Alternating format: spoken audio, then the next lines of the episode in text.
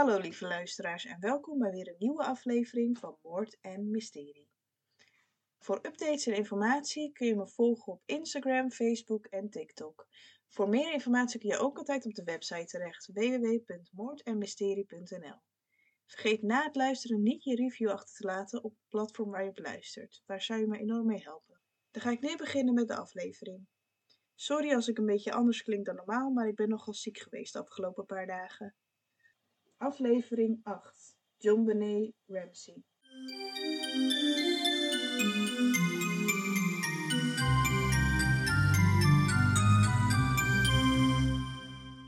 Waarschuwing. Deze aflevering bevat informatie over een moord op een kind en mogelijk seksueel misbruik.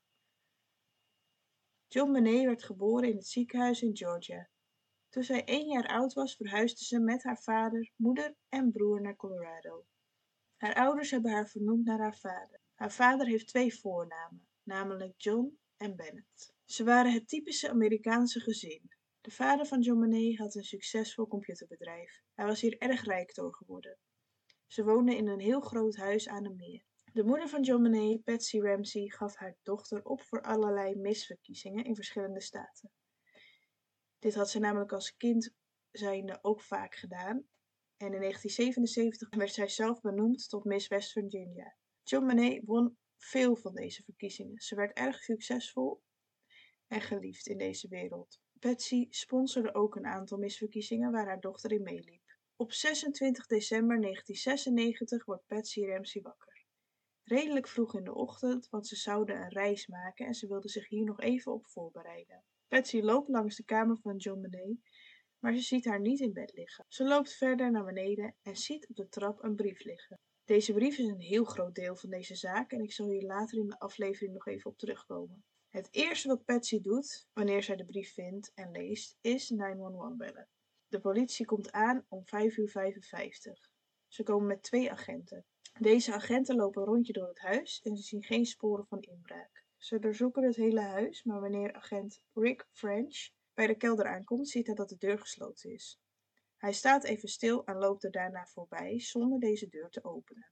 Later zegt hij dat hij dit deed omdat hij alleen een uitgang zocht waardoor de ontvoerder zou kunnen zijn ontsnapt met John Bonet. De ouders van John Bonet hadden eigenlijk meteen vrienden en familie gebeld. Ik kwamen naar het huis en die liepen naar binnen. Deze vrienden en familie liepen door het hele huis en maakten ook dingen schoon. Hierdoor wisten ze natuurlijk sporen en is waarschijnlijk veel cruciaal bewijsmateriaal vernietigd. In de brief werd een geldbedrag gevraagd en John wilde dit gaan betalen. Ondertussen werd er een forensisch team opgeroepen en van het hele huis was eigenlijk alleen de slaapkamer van John Benet afgezet om bewijsmateriaal veilig te stellen. Detective Linda Arndt arriveerde om 8 uur ochtends, wachtend op verdere instructies van de kidnapper om het geld af te leveren.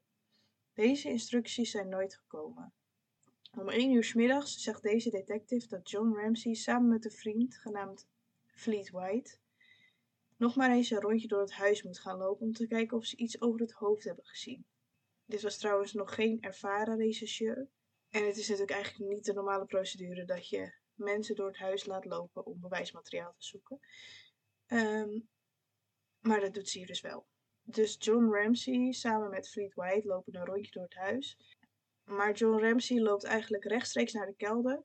En zonder dat hij het licht al aandoet, zegt hij dat hij John Monet heeft gevonden. Vervolgens pakt hij haar lichaam op en neemt haar mee naar boven. En daardoor heeft hij eigenlijk de hele crime veranderd. En waarschijnlijk nog meer bewijsmateriaal vernietigd. Let op, ik ga nu beschrijven hoe John Monet is gevonden en hoe de crime eruit zag. Hier zitten grafische details tussen.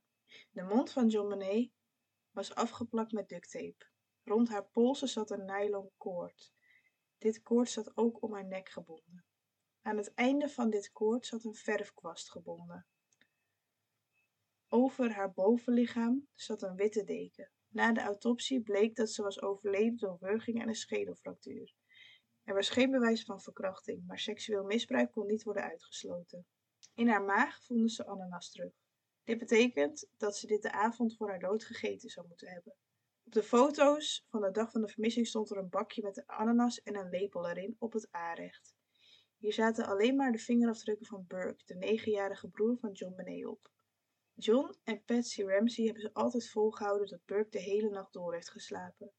Tot een paar uur nadat de politie al was gearriveerd. De ananas van Burke kom ik later nog even op terug. Dat heeft ook nog te maken met een veelgeloofde theorie. Er zijn dus eigenlijk twee theorieën in deze zaak. De vreemdelingtheorie en de familietheorie. Oké, als eerste zal ik de, de familietheorie eens uitleggen. Er zijn een aantal dingen heel erg verdacht aan de familie Ramsey. Neem bijvoorbeeld de brief. Ik zal deze eens voorlezen. Ik heb hem dus vertaald vanuit het Engels naar het Nederlands. Meneer Ramsey, luister goed. Wij zijn een groep individuen die een kleine buitenlandse fractie vertegenwoordigen. Wij respecteren je bedrijf, maar niet het land dat het dient. Op dit moment hebben wij je dochter in ons bezit. Ze is veilig en ongedeerd en als je wil dat ze 1997 nog ziet, dan moet je de instructies in deze brief nu opvolgen. Jij neemt 118.000 dollar op vanuit je bankrekening. 100.000 dollar zal in 100 dollar briefjes zijn en 18.000 dollar in briefjes van 20. Zorg ervoor dat je de juiste maat attaché meeneemt naar de bank. Wanneer je thuis komt, doe je het geld in een bruine papieren zak. Ik bel je tussen 8 en 10 uur morgenochtend om je de instructies te geven over de bezorging. De bezorging zal uitputtend zijn, dus zorg dat je goed bent uitgerust. Als we monitoren dat je het geld eerder hebt opgehaald, bellen we je mogelijk eerder om een eerdere bezorging van het geld te regelen en dus ook een eerdere aflevering van je dochter. Enige afwijking van mijn instructies zal leiden tot de executie van je dochter. Haar stoffelijk overschot voor een goede begrafenis wordt je dan ook ontzegd. De twee mannen die nu voor jouw dochter zorgen vinden je niet bepaald leuk, dus ik adviseer je om ze niet te provoceren.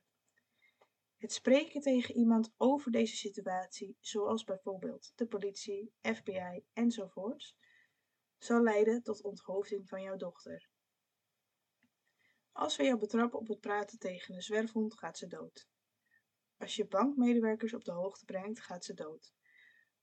Als je op een manier met het geld hebt geknoeid, gaat ze dood. Je wordt gescand op elektronische apparaten en als we hier een van vinden, gaat ze dood. Je kunt ons proberen te bedriegen, maar wees gewaarschuwd dat we bekend zijn met de maatregelen en tactieken van de politie.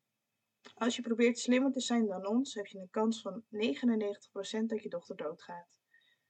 Volg je onze instructies, dan krijg je een kans van 100% om haar terug te krijgen.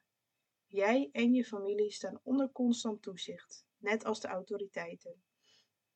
Probeer geen hersens te laten groeien, John. Jij bent niet de enige dikke kat hier in de buurt, dus denk maar niet dat moorden moeilijk is. Onderschat ons niet, John. Gebruik je goede zuidelijke verstand. Het is nu aan jou, John. Victorie. Victorie. SBTC. Ten eerste is het een hele lange brief voor een losgeldbrief. Normaal wordt er heel kort geschreven hoeveel geld, waar, wanneer en met wie. Dit is echt tot in de details uitgeschreven. Na onderzoek blijkt dat de blaadjes waarop geschreven is komen vanuit het huis van de Ramseys. Ook de pen waarmee de losgeldbrief is geschreven komt zeer waarschijnlijk ook uit het huis. Dit zou betekenen dat de inbreker tijdens het ontvoeren van John Monet, of het vermoorden van John Monet, gezocht heeft in het huis naar pen en papier, daar aan de keukentafel is gaan zitten en een losgeldbrief is gaan schrijven van drie kantjes. Met de mogelijkheid dat er dus elk moment iemand binnen kan komen lopen. En dat lijkt me zeer onwaarschijnlijk. In de brief staat een bedrag van 118.000 dollar. Dit is natuurlijk een heel specifiek bedrag. En nog vreemder hieraan is dat dit exact hetzelfde bedrag is dat John als kerstbonus heeft gekregen. Een hele hoge kerstbonus, maar hij was dan ook natuurlijk heel rijk geworden met het bedrijf wat hij heeft gestart. En ze hebben dus exact de kerstbonus gevraagd. Dus dat, dan zou je eigenlijk al zeggen dat het iemand moet zijn geweest die wist welk bedrag hij als kerstbonus zou krijgen. In de brief zijn een aantal woorden verkeerd gespeld. Het lijkt alsof dit expres is gedaan, omdat er heel veel moeilijke woorden wel goed staan geschreven. Maar bijvoorbeeld het woord business en possessions staan verkeerd geschreven. Een handschriftanalist heeft John en Patsy's handschrift onderzocht. John is compleet uitgesloten, maar het handschrift van Patsy konden ze niet uitsluiten. Ze konden ook niet met 100% zekerheid zeggen dat Patsy het wel was. Maar ze konden ook niet met 100% zekerheid zeggen dat Patsy het niet was. Een van de theorieën is dat John Monet een stukje ananas van Burke heeft opgegeten en dat Burke hier heel erg boos van werd. Ze denken dat hij haar met een zaklamp heeft geslagen op haar hoofd. Zo'n zware zaklamp. Ik weet niet of jullie weten wat ik bedoel, maar het is echt zo'n grote, zware zaklamp. En dat ze door deze klap is overleden. Dat de Ramses dit niet naar buiten wilden laten komen. En toen hebben ze dit proberen te verbergen door middel van de brief en het opzetten van de crime scene. Een andere theorie is dat John Monet vaak in haar bed plaste en dat dit deze nacht weer was gebeurd. En dat Patsy hier heel erg boos om kon worden.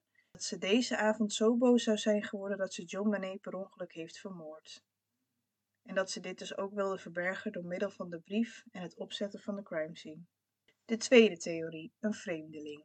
Zoals ik in het begin al aangaf, was John Monet heel erg populair in de misverkiezingen. Ze had enorm veel fans. En helaas zie je dat vaak in deze wereld er veel oudere mannen tussen zitten, die op een verkeerde manier fans zijn van kleine meisjes. Het kan zijn dat een van deze fans geobsedeerd is geraakt door John Monet, in heeft gebroken in het huis en John Monet heeft willen ontvoeren en haar per ongeluk heeft vermoord. Dit lijkt me op zich een logische theorie, alleen dan is de brief weer onlogisch, want waarom zou een pedofiel inbreken, vervolgens John Benet vermoorden en dan die brief gaan schrijven in het huis, terwijl hij daar al is, met de kans dat er iemand naar beneden komt en hem op heterdaad betrapt. Er zijn in deze zaak meerdere verdachten geweest, maar tot nu toe is iedereen vrijgesproken. Er is zelfs iemand geweest die een valse bekentenis heeft gedaan. Alexis Valoran Reich, toen bekend als Marakar. Deze was opgepakt in Thailand. De verklaring was dat John Monet was gedrogeerd, seksueel misbruikt en daarna vermoord. De politie kon geen bewijs vinden van wat Alexis vertelde. Ook was de drugs die Alexis claimde te hebben gebruikt op John Monet niet gevonden in het lichaam van John Monet. En de details die verteld werden kwamen niet overeen. Mark Carr ging toen daarna een transitie in en besloot verder door het leven te gaan als vrouw. Haar naam werd toen dus Alexis. Daarna ging ineens het gerucht dat ze dit deed om dichter in de buurt te kunnen komen van kleine kinderen. Als het waar is, vind ik dat echt heel, heel, heel erg ziek. Maar je bent ook wel heel erg ziek als je zo'n jong meisje op zo'n gruwelijke wijze kunt vermoorden. En er dan zoveel jaar mee verder kunt leven. Het is tot nu toe gewoon nooit opgelost en de moordenaar van John Monet heeft altijd vrij rondgelopen. Voor nu is dit het einde van de aflevering. Blijf veilig allemaal, lieve luisteraars, en tot de volgende aflevering.